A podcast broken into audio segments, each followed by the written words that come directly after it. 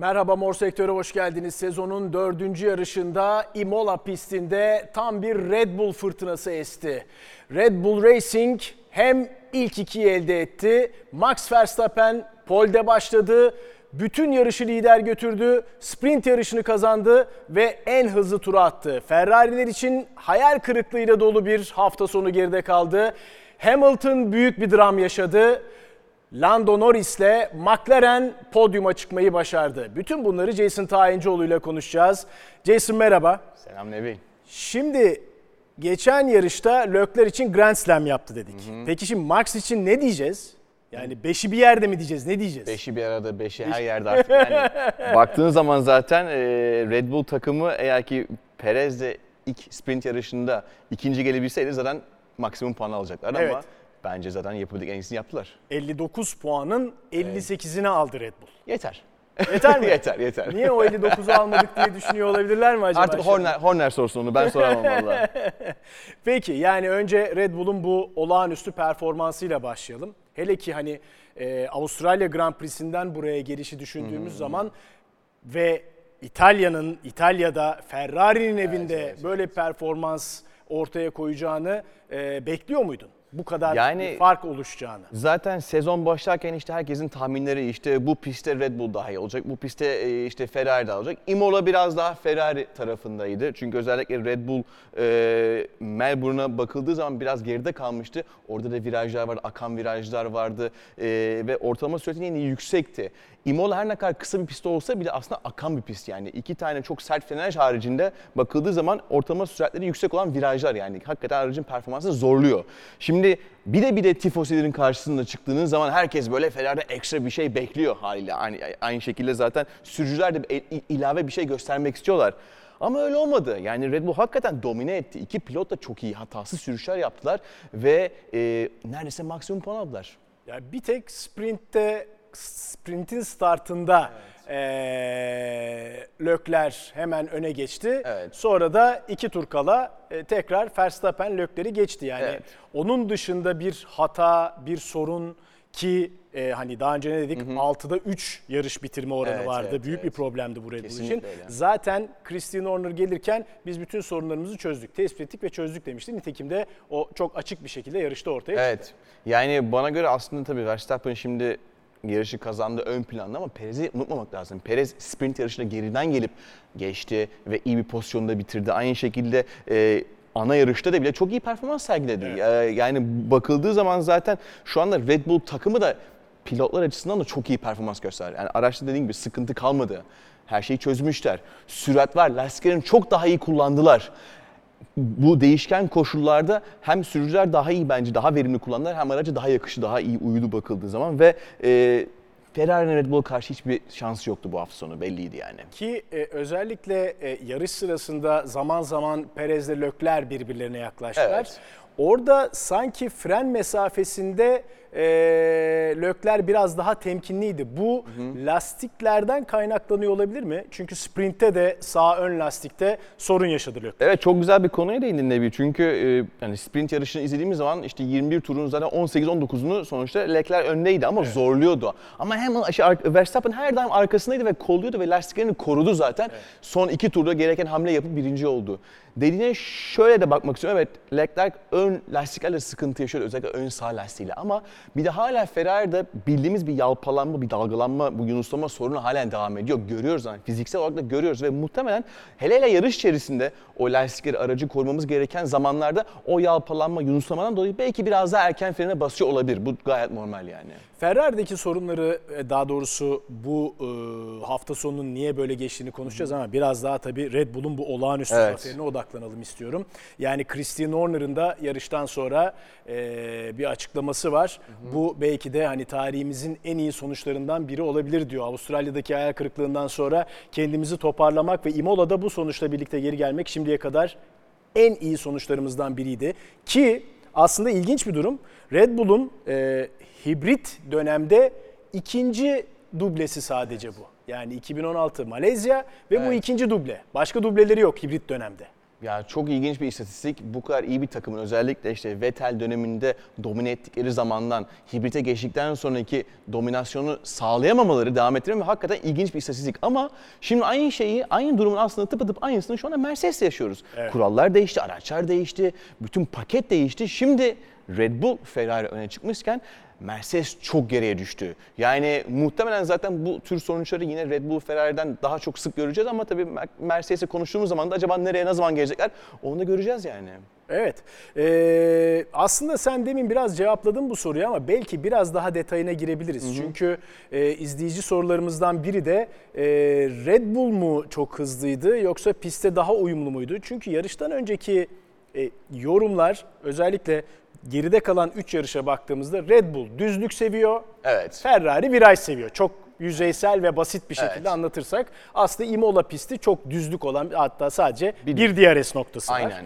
Ee, ama izleyicimiz bunu merak ediyor. Yani bunu biraz daha Ferrari aracının performansında gerileme mi var diyor Mehmetse yoksa Red Bull aracımızdandı yoksa pist daha mı uygundu? Ne der? Bence Hangisi? bence şöyle bir ben şöyle yaklaşmak istiyorum. Sanki Ferrari aracı Red Bull'a kıyasla lastiklerini daha iyi koruyordu. Daha iyi muhafaza edebiliyordu.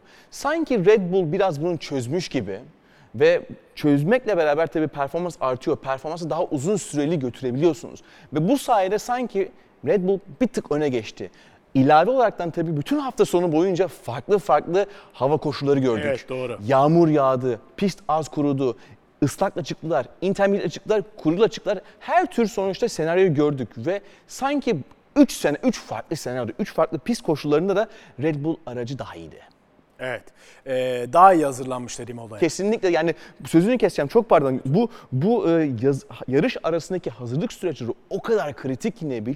Milyonlarca simülasyon, milyonlarca data inceleniyor. Ve hakikaten bir sonraki yarışa ne yapmamız gerekiyor? Nasıl bir iyileştirme yapmamız gerekiyor? Onun araştırması içerisinde zaten 200-300 kişi. Red Bull biraz daha iyi gelmiş diyelim bu hazırlık yapmış. Bir izleyici sorusu daha var. Ee, sıralamalarda Verstappen'in sarı bayraktaki attığı Evet. turla ilgili. Çok ilginç değil mi? Ne Yani- diyorsun? Yani zaten onboard kamerası yani araç üstü kameraya bakıldığı zaman zaten bariz bir şekilde sarı bayrağı duran aracı ve ayağını gazdan belli bir süre çektiğini de görüyoruz zaten. Ve ona rağmen çok hızlı bir süre atıyor olması ilginç. Ha eğer ki ayağını gazdan çekmeseydi, tam gaz devam etseydi ve e, yaptığı sektör zamanı gerçekten hem kendisine kıyasla hem de diğer sürücülere kıyasla çok daha hızlı olmuş olsaydı zaten ona bir ceza gelirdi ama ben bile izlediğim zaman evet bariz bir şekilde ayağını gazdan çekmiş. Aracı geçtikten sonra tekrar hızlanmış. Yani kontrollü bir yavaşlama söz konusu. Böyle bir kontrollü bir yavaşlama gördüğü zaman direktörler işte bütün hakemler kurulu diyelim komitesi evet bu sonuçta görmüş, incelemiş ona göre bir hamle yapmış. Ama hala bir pole pozisyonda başladı. Çok ilginç. Ben ilk defa böyle bir durumla karşı karşıya kalıyorum. Görüyorum en azından. Şimdi tabii ilk üç yarıştan sonra genel kanaat şuydu. Ferrari Red Bull'dan daha hızlı. Evet. Ki eee, daha doğrusu paketi daha iyi. Evet, evet. Yani birbirlerine göre avantajları Zaten var. yolda kalmıyordu. Aynen. Birbirlerine göre avantajları var ama paketin bütününe baktığımızda Ferrari daha iyi. Peki şimdi Imola'daki yarış bu fikrimizi değiştirmeli mi? Değiştirebilir mi? Mesela Verstappen'e bunu soruyorlar. Ee, siz daha mı hızlısınız Ferrari'den diye. Bundan tam emin değilim diyor. Sen ne dersin? Şimdi ben de şöyle yaklaşmak istiyorum.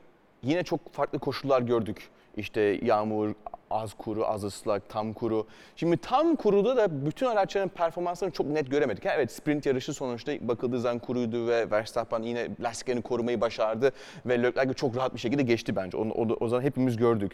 Şimdi bir o konu var. Daha her şey çok net değil bence. Ama başka bir konu da var. Bundan sonraki Miami pisti çok farklı pist. Ve önümüzde zaten yine y- 20'ye yakın yani 19-18 tane yarış var. Hepsinin karakteristiği farklı ve hepsinin araç süreçlerinde belli geliştirmeler olacaktır. Hem mevcut araç üst- üstünde hem de yeni işte parçalar gelecektir, işte iyileştirme olacaktır vesaire vesaire. Yani burada aslında takımlar ne kadar ödevlerini iyi yapıyorlar onu görüyor olacağız. Ama ben hala ilk bütün bu dört yarışa baktığımız zaman yine sürat anlamında Red Bull'un hala orada olduğunu görebiliriz.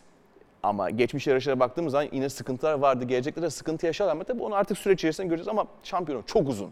Belli olmaz. Özür dilerim Jason gözüm kendime takıldı. Niye bunu verdik arkadaşlar? Yani, Ferrari'yi ben mi bitirdim? Eyvah. Evet. Çok ağır bir suçlamayla karşı Evet. karşıyayım Jason. Ee, ben hafta içi e, Bolonya'daydım. Bahçeşehir Oo, Koleji'nin süper. e, Europe Cup e, final mücadelesi Ah, çok güzel. Oraya gitmişken Müzeye tabii Ferrari. Müzesi'ne de gittim. Yani Sabote ettin. Sabote mi ettim? Yok hiç öyle bir yoktu. Tamamen keyif aldım ben oradan ama galiba sonucu biraz Evet, farklı oldu. güzel E, fotoğraf ama. Ferrari'lerin istediği gibi olmadı. Şimdi asıl sebeplere geçelim. Aynen, Bu aynen, işin aynen. esprisiydi. Ee, şimdi yani önce Lökler'le başlayalım bence. Tamam. Startta iki sıra kaybetti. Evet. Sprintte öne geçmesine rağmen Geriye yarışı düştü. Hı hı. kaybetti yine. ikincili olmak zorunda kaldı. Ee, ve tabii attığı spin. Evet. Neydi bütün bu bütü- bütüne baktığımız zaman yani geçen Avustralya Grand Prix'sine ne dedik? Kusursuz zafer dedik. Hakikaten kusursuzdu evet. Lökler ve Ferrari için. evet. Burada ne kusurlar vardı? Şimdi geçmişte hatırlar mısın Leclerc'in yaptığı hatalardan bahsediyorduk. İşte daha yavaş araçla hızlı gidebilmek için hata yapıyor, hata yapıyordu ve en azından bu perf- performansı üste çıkarmak için araçtan %10, %120'sini çıkarmak için arada hatalar yapıyordu. Ve ama geçmiş yarışlarda bunu çok yapmıyor çünkü araç kazanabiliyordu. Araç buna müsaitti. O kadar zorlamasına gerek yoktu. Sanki sanki yine böyle eski Leclerc tarzı bir yine psikolojiyle girmiş gibi anladım Leclerc'i. Çünkü İki konu var burada. Bir araç en hızlı araç değil. Bunu zaten kendisi biliyor. İkincisi Imola. Tifosiler. Yani ilave baskı var. Geçmiş yarışlarda çok bir baskısı yoktu. Çünkü daha bilinmeyen çok vardı. Hızlı mıyız? Gidelim hızlı gidelim. Şimdi ama hızlıyız, kazanmak zorundayız. Çünkü işte Imola, e, Tifosiler, Ferrari biliyorsunuz oradaki coşku çok farklı Tabii. oluyor.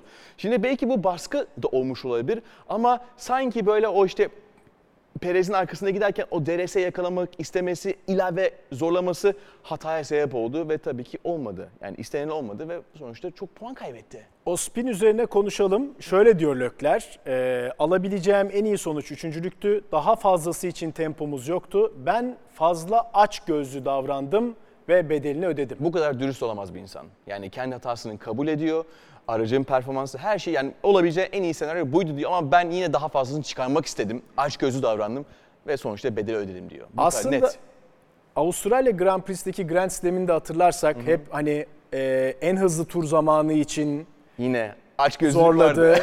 E, burada yarışın ortasında D planına geçelim mi diye sordu. Evet. Bu arada D planı ne olabilir sence? Ya bilmiyorum erken bir şekilde pite girip belki işte yine en azı tur zamanını elde etmek için sonuçta bir e, çabası olmuş olabilir. Veya erken girip pite girip belki la, yeni lastiğin avantajını kullanıp belki öndekini yakalayıp belki e, atak yapabilecekti ama e, sonuçta e, pistteki pozisyonlama o kadar ilginçti ki o pite girerse ben de girerim pite ne olacak yani sonuçta ve öyle oldu. Leclerc pite girdi en hızlı tur zamanını elde etmek için ve en hızlı atak yapmak için.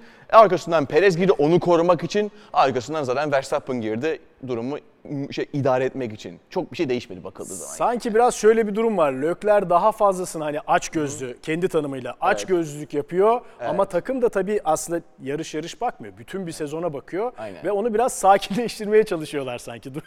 Kesinlikle öyle Ee, ve bakıldığı zaman da zaten e, her stratejinin anti stratejisi de vardır. Yani o strateji takımı da sonuçta birden fazla insan habire bilgisayar karşısında acaba bu bunu yaparsa, bu bunu yaparsa, bu bunu yaparsa gibi milyon tane probabilite ve olasılık karşısında her daim bir şeye karşı cevap olmak zorunda. Ki zaten öyle oldu. Çok basit bir hesaplamaydı. O girerse ben de gireceğim. O hızlı tur zamanı yaparsa ben de onun üstünde daha iyisini yapmaya çalışacağım. Ama düşünsene o bir puan için savaşıyor Leclerc. evet. Yani bu açıdan da bakabiliriz. Evet. Aynen öyle. Yani evet belki hırsının kurbanı oldu. Belki aç gözlük yaptı ama o bir puan fazlası için ekstra bir efor sarf etti. Hem hızlı tur bir puanı hem de Evet Perez'in önüne ve de tabii. Ee, bir arada Lökler e, Q3'te de sorun yaşadı. Orada da kendini eleştirdi yine. Yani e, lastiklerimizi seansın sonuna saklamak istedim ama kırmızı bayrak çıktı ve burada bir hata yaptım dedi.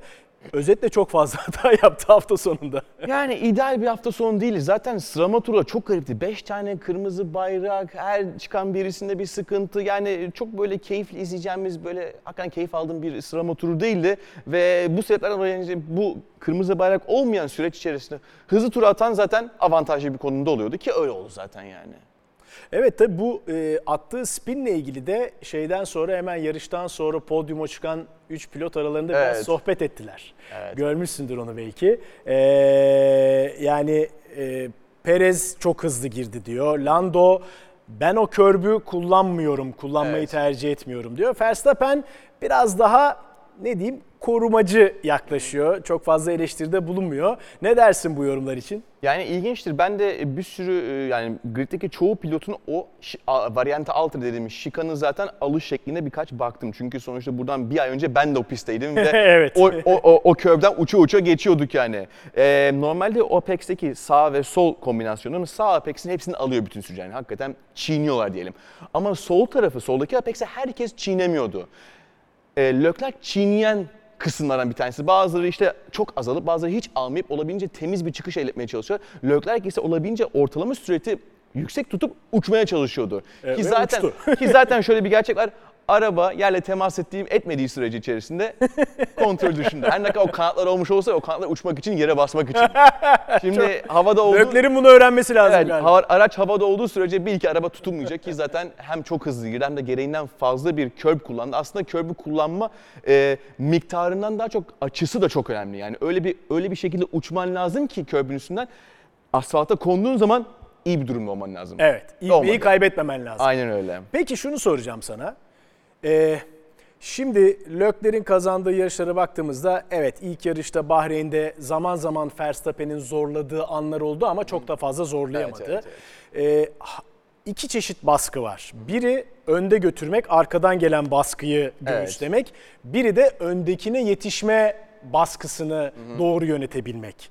E, ikisi arasında fark var mı sence? Yani arkadakini tutmak mı daha zor, öndekine yetişmek mi daha büyük bir baskı ve zorluk veya bu pilottan pilota değişir mi? İkisi de çok büyük stratejik zorluklar getiriyor. Yani öndeki öndeyken tabii ki yarış kazanacaksın. Birinci olacaksın, maksimum puanı alacaksın. Ee, sonuçta bu işin şeyi çok prestiji çok farklı yarış kazanmak. Ee, arkandakini koruman, arkandakini arkada tutmak da kolay bir şey değil. Çünkü her daim o insan senin arkanda kalabiliyorsa ya senden hızlıdır ya da senin kadar hızlıdır. Öyle bir öyle bir psikolojik baskı var. Yani bu, bu kişi benim arkamda kalabiliyorsa ya benim kadar hızlıdır ya benden hızlıdır ki kalabiliyor arkamda. Şimdi benden hızlıysa beni geçmek için her daim bir atak içerisinde ona göre o da kendi stratejisini belirliyor. Şimdi o kolay bir şey değil. Ee, ama bazı pistler mesela Monte Carlo gibi veya işte e, Budapest gibi işte zor geçilen pistlerde tabii biraz daha rahat insan. Ama Imola'nın mesela işte son 18. virajdan çıktığın zaman karşında upuzun bir düzlük var ve DRS arkandaki DRS almışsa geçme ihtimali çok yüksek zaten. Şimdi o psikoloji her zaman var. Takip ettiğin zaman ise tam tersine full atak gidiyorsun. Yani e, şöyle mesela diyelim ki tam tersini düşünelim mesela Budapest'teyiz veya Monte Carlo'yuz. Önümdekini geçemeyeceğim zaten herhalde pes edeceğim veya önümdekini hat- hata yapmasını bekleyeceğim. Geçiş yapılabilecek pistlerde evet öndekinin hata yapmasını bekliyorsun ama nerede geçebilirim her daim onu kolluyorsun ve ne kadar baskı yapsam, ne kadar işte burnumu göstersem, ne kadar orada kendisini o e, e, aynalarda taciz etsem, psikolojik baskı kursam o kadar hata yapma ihtimali var. Şimdi tabii önde olmak daha zor. Arkada olmak ni- nispeten daha kolay çünkü onu her daim izliyorsun hatasını. Nerede hızlı, nerede yavaş onu gözlemliyorsun ve ona göre işte 2-3 viraj veya 2-3 tur önce atanını planlayabiliyorsun.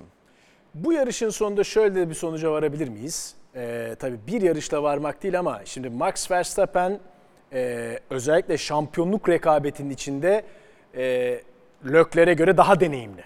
Çok. Ve bu sene bu onun için bir avantaj olabilir. Ne dersin? Kesinlikle öyle. E, Leclerc ilk defa kazanan bir araçla veya şampiyonu ya da şampiyon olabilecek bir araçla yarışıyor. Ve ilk defa ilk defa yarış kazanmak için bir mücadele içerisinde.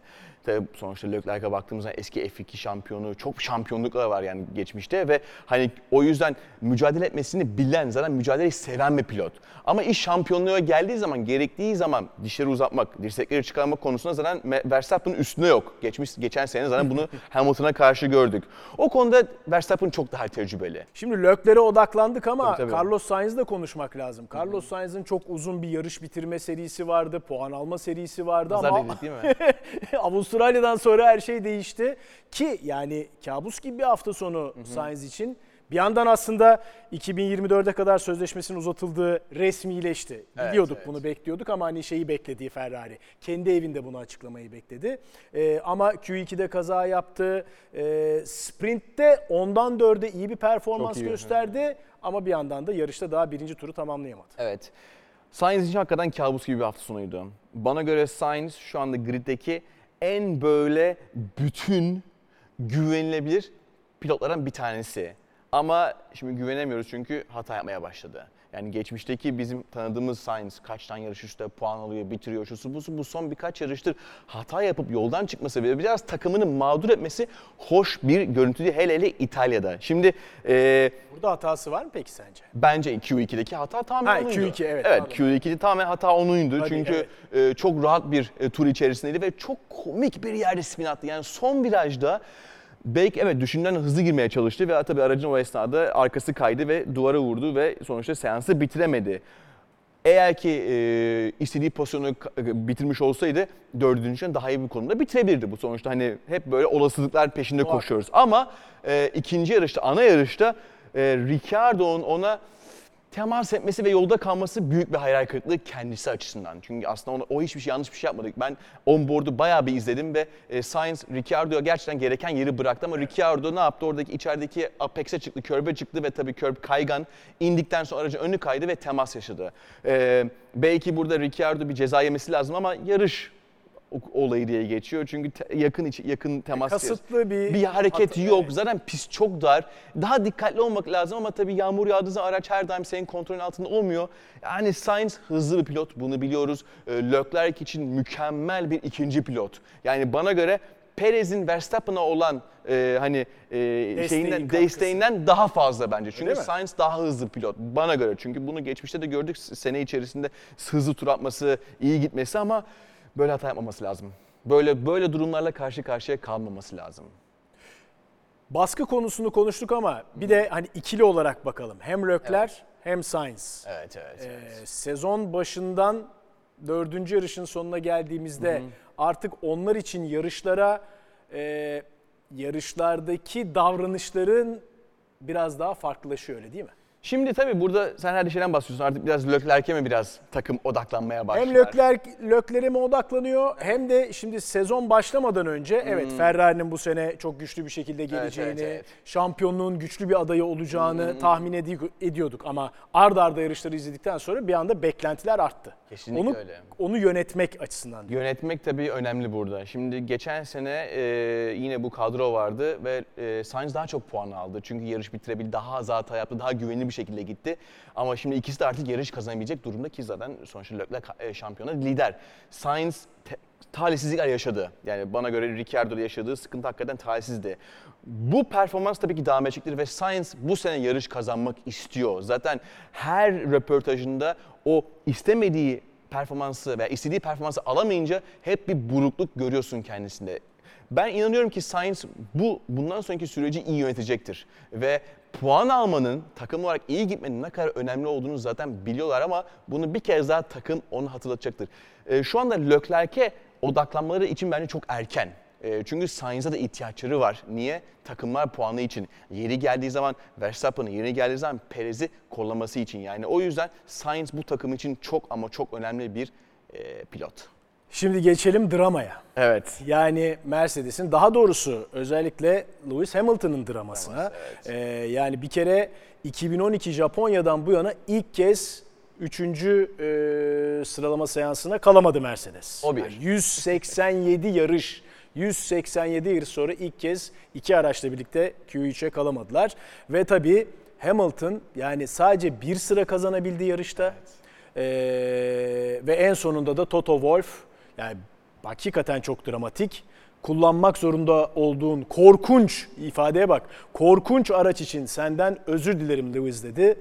O da sorun değil Toto. Beraber bunu bir şekilde halletmeye çalışacağız dedi. Ne diyorsun? Yani hakikaten ifade etmesi, anlatması zor. Bu kadar bir sporu domine eden bir karakter var, bir sporcu var ve şu anda geldiği noktada bütün yarış boyunca öndeki Gasly'yi e, veya diğer şeyleri zorlayamadı bile neredeyse.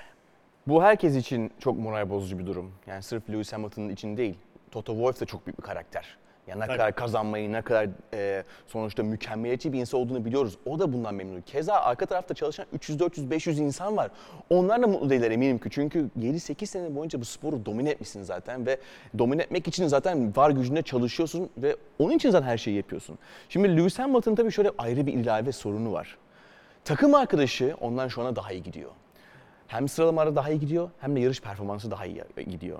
Yani son yarışa bakarsak özellikle Russell dördüncü bitirdi. Yani Evet. mükemmel. Araç zaten şu anda en hızlı dördüncü araç. Yani herkes yarış bitirebilse bitirebileceği en iyi pozisyon zaten 7, 8, 9 o civarlarda bakıldı. Ama o dördüncü bitirdi. Olan bütün sıkıntıları işte en iyi şekilde değerlendirip dördüncü bitirebilmeye başardı ve pozisyon kazanarak. Yani dördüncü başlayıp dördüncü bitirmedi. Birinci başlayıp dördüncü bitirmedi. Gerilerden başlayıp dördüncü bitirdi. İnsanları geçebildi startta. Çok iyi pozisyon kazandı. Russell o konuda şu anda elindeki bulunduğu pozisyonu, durumu çok iyi değerlendirebiliyor. Hamilton tam tersine değerlendiremiyor. Belki belki şöyle bir e, yaklaşımla e, yorum yapmak istiyorum. Şimdi Hamilton son 7-8 senedir zaten domine eden bir araçla gidiyor ve e, kazanmaya çok alıştı. E, hata yapmak istemiyor. E, elindeki olan durumu daha da kötüleştirmek istemiyor. Sonuçta işin içinde bir prestij var, puan var, her şey var. Russell ise geçmiş zaman yani sonuçta F1'e geldiğinden beri Williams aracı içerisinde ve Williams aracı hiçbir konuda yarış kazanabilecek hatta puan alabilecek bir araç değildi, bir takım değildi. Ama Russell yine ara ara onu Q3'e sokabildi puan alabildi. Yani yine o mucizevi performansı gösterebildi ve kötü araçta bir nevi kullanmayı öğrendi. Kötü araç demek aslında e, sorunlu bir araç değil. Hakikaten aracın önü kayabilir, ona göre performansını düzeltir. Arkası kayabilir, ona göre bir şey yapabilir. Yani Russell bu kötü durumu zaten iyiye çevirip olabildiğince iyi bir performans elde edip aracın zaten maksimumunu çıkarmaya çalıştı ki bu hafta sonu tamamen onu yaptı. Galiba bu sorunun cevabını vermiş oldun. Russell'ın yapıp Hamilton'ın yapamadığı nedir? Bu farkın sebebi Hamilton açısından şanssızlıkların bütünü mü? Yoksa Russell'ın Williams'da hep kötü araçlarda mücadele etmesi sebebiyle antikor üretebilmesi. Ekleyebileceğim şeyler olacak buna. Çünkü Tamam. e, Hamilton biliyorsunuz sıralama turlarında özellikle 2-3'e çıkamamanın sebepleri kırmızı bayraklardı. Evet. Daha sonrasında e, yarışın içerisinde öndeki araçları geçemedikten sonra öndeki araçların hızlı olmasına rağmen geçemedi. Biliyorsunuz sonuçta önünde e, Gazli vardı, onun önünde Albon vardı.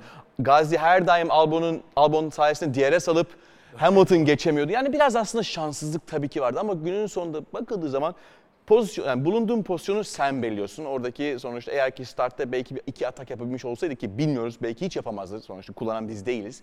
Görmedik de yani. Ama e, ne olursa olsun ideal pozisyonlara değildi. Diğer e, bir konu ise şimdi e, Russell şu anda baskı altında değil. Yani Russell e, star pilot değil. Russell kendi içerisinde daha rahat bir ortam içerisinde. Ve o rahatlığın getirdiği de bir her zaman performans avantajı var. Onun tek yapması gereken şey şu anda 7 kere dünya şampiyonu gelmiş star pilot Lewis Hamilton'la aynı gitmek veya geçebilmek. Takımı bir yere taşımak zorunda değil. Çünkü takımı taşıyacak olan kişi Lewis Hamilton. Aracı geliştirecek olan kişi Lewis Hamilton. Her şey Lewis Hamilton üzerine odaklandığı için Russell'ın buradaki durumu ikinci pilot ama ikinci pilotum biliyorum ama çok da hızlıyım. Yanlış olmasın çok iyi performans gösterdim. Geçmişte de Bottas'a karşı çok iyi performans gösterdim. 2020'de Bahreyn yarışında geçmiş şampiyonlarda F2 şampiyonuyum, GP3 şampiyonuyum. Herkese kanıtladım kendimi. Aynı şekilde burada da kanıtlayacağım zaten. Ama dişini sıkıyor. Ki zaten şu anda 4 yarışı geride bıraktık. 4 yarışı da ilk 5'te bitiren tek pilot şu anda Russell. Lökler'in spiniyle bu noktaya gelindi. İstikrar. Peki biraz burada roller de değişiyor mu? Şimdi Russell'ın da açıklamasına bakalım. Lastikler ve araç ideal sıcaklık aralığına geldiğinde çok iyi hissettiriyor. Dalgalanma nefesinizi kesiyor. En ekstrem dalgalanmayı bu hafta sonu hissettim ki evet bunu antrenman seanslarından sonra da anlamıştık zaten. Ee, dalgalanma sorunu hariç W13 çok iyi. Şimdi Russell'a soruyorsun dalgalanma hariç bende problem yok diyor. Şimdi Hamilton'a sorsak burada sayfalarca anlatır bize yani hani sayfalarca grafik olarak. Ya o muhtemelen W13 muhtemelen Williams'a karşı çok iyi olduğunu düşünüyorum. Çünkü ya- Evet soru öyle geliyor zaten Evet, ama evet. yine de büyük bir performans farkı var iki pilot arasında. Şimdi çok ilginç bir konuya değiniyoruz aslında Nevil. Yani e, okuduğum makaleler ve yazılarda sanki Mercedes aracı işte simülasyonlarda data üzerinde çok hızlı bir araba ki zaten bir saniye hızlı olmamız lazım diyor data. Yani matematik diyor ki veya simülasyon diyor ki bu araç aslında bir saniye hızlı olması lazım. Ama gel gör ki değil. Hala yunusama sıkıntısı yaşıyorlar. Hala lastiklerini iyi koruyamıyorlar ki hala lastik sıkıntısı yaşıyor bu araç. Ve bu da sonuçta sürücüye gereken özgüveni vermiyor ve sıkıntı yaşatıyor. İnan bana ne bir bilmiyorum ne zaman bu yunuslamayı çözecekler ama bence olay sırf yunuslama değil. Ha yunuslama işin belki çoğudur ama aerodinamik paket olarak bir yerdeler, motor gücü olarak bir yerdeler ve hala mekanik olarak bir yerdeler. Ben inanmıyorum bu üç komponent, üç bilişim diyelim tamam mı? Hala ideal yerde. Bunları öyle böyle geliştirecekler. Zaman gösterecek ama ben yani zaten Lewis Hamilton diyor ben şampiyonu artık benim şampiyonu Evet, işim yok. bıraktım diyor. Ben bıraktım diyor. Russell Okar açıkçası karamsar değil. Ee, Toto Wolff hiç karamsar değil. Yapacağız, edeceğiz. Hala o niyet içerisinde. Ama daha çok yarış var ve ilerleyen zamanlarda eminim ki eminim ki Mercedes daha hak ettiği yerlerde olacaktır. Tabii Toto Wolff e, sprintten sonra aracımızın liderden 5 saniye yavaş olduğunu görünce insanın kendini boğası geliyor diyor. E, umarız kendini bir yerde boğmaz yani. Evet karşısında da boğalar var zaten. E, şimdi Lando Norris'ten biraz bahsedelim. Kesinlikle bahsediyorum. Podyuma çıktı. E, Avustralya'da da 5. olmuştu. E, burada da podyuma çıkmayı başardı. Zaten Formula 1'in yükselen değerlerinden biri Öyle, Lando öyle, Norris. Ve e, startta özellikle çok önemli bir atak yaptı ve netice itibariyle Leclerc'in spiniyle de kendini podyumda bulmayı başardı. McLaren aracı herhalde bu son iki yarışta özellikle e, çok iyi performans yakaladı ve şu anda bana göre en hızlı üçüncü araç, üçüncü takım diyelim. E, Mercedes'ten o pozisyonu aldı. Önde değil mi? Evet kesinlikle ve bana göre zaten Lando Norris bu yarışın belki en iyi sürücülerinden bir tanesiydi. Olan sıkıntılar içerisinde e, e, işte hem pistin durumu hem yarışın içerisindeki kaos şusu busu çok iyi değerlendirdi. Ve diğer bir konu ise takım arkadaşından önde. Takım arkadaşından daha iyi bir durum içerisinde. Yani bu biraz aslında Hamilton e, Russell kıyaslaması gibi şu anda. Lando Norris star pilot olan diyelim, geçmişteki star pilot Ricciardo'dan çok daha iyi bir performans gösteriyor. Ee, bunun tabii ki bir sürü sebebi vardır ama bizim odaklandığımız şey netice ve şu anda e, belki eğer ki e, Leclerc o spin atmış olmasaydı veya Sainz açıkçası yoldan çıkmış olmasaydı yine 5. 6. bitirebilecekti ki o da bu araç için maksimum puandı. Takım içi rekabetten bahsettin. Hakikaten ciddi farklılıklar. Mesela Haas'ta da bunu görüyoruz. Evet. Ee, McLaren'de bunu görüyoruz. Ee, Arada Alfa Romeo'da da Alfa Romeo'da görüyoruz. Evet. Bunu nasıl yani tamamen pilotların hmm, sürüş kaliteleriyle mi değerlendirmeliyiz yoksa ne hangi pencereden bakmalıyız? Şöyle bir noktada yani şöyle bir şey e, odaklanmak istiyorum. Bütün buradaki pilotlar hemen hemen dünyanın en iyi 20 pilotlarının bir tanesi. Tabii. Evet bazılarının işte finans olarak avantajları var. E, bazıları işte bazı bazı çeşit şeyleri destekleniyorlar ve oraya konumlandırıyorlar. Ama günün sonunda buradaki bütün pilotlar e, bütün e, Formula 1'e giden yoldaki basamaklardan bulunmuş ve orada derece elde etmiş sürücüler. Yani kariyersiz bir insan oraya oturmuyor. Hepsi iyi pilotlar. Michael Schumacher'in oğlu Mick Schumacher bile eski F2 şampiyonu. Ki şu anda takım arkadaşı Magnussen'e karşı biraz zorlanıyor yeri geldiği zaman. Şimdi hepsi iyi pilot. Ama herkesin bir sürüş tarzı var. Herkesin e, belli bir tür araç seviyorlar sürüş anlamında. Şimdi ben biliyorum bazı pilotlar var kartingde özellikle şahane gidiyorlar, starlar ama böyle bir araca oturdukları zaman sıkıntı yaşıyorlar. Veya işte Formula 3'te tutunamıyorlardı ama Formula 1'e geliyorlar olmuyor. Bu tamamen aslında sürücünün araç içerisinde kendisine ne kadar rahat hissettiği, araca ne kadar güvendiği. Ben halen biliyorum bazı sürücüler var gridin içerisinde aracın hala maksimumunu yakalayamıyorlar çünkü rahat hissetmiyorlar kendilerini. Ama yani bu aslında bir pilot birinden birinden daha iyi veya daha kötü değil. Belki bu, bu sürücülerin hepsini kapalı bir aracı, atıyorum benim şu anda yarıştığım GT4 aracına oturtsam belki farklı bir şey olacak bilmiyoruz ama yine arada star pilotlar var. Verstappen, Hamilton, belki Russell, Norris, Alonso gibi efsane Alonso. Yani hala star pilotlar mevcut ama hepsi çok iyi pilotlar. Geçen yarıştan sonra Sebastian Vettel artık bundan daha kötüsü olamaz demişti. Ve puan aldı. Ve ikisi birden Stroll'le Evet, birlikte evet. puan almayı başardılar. Özellikle e, Vettel'in hafta sonu performansı o geçmiş günlerini Evet. hatırlatan e, bir performanstı. Yani e, yarış kazanmış kadar mutlu oldular. Evet. E, çünkü zaten aracın performansı hiç iyi değil.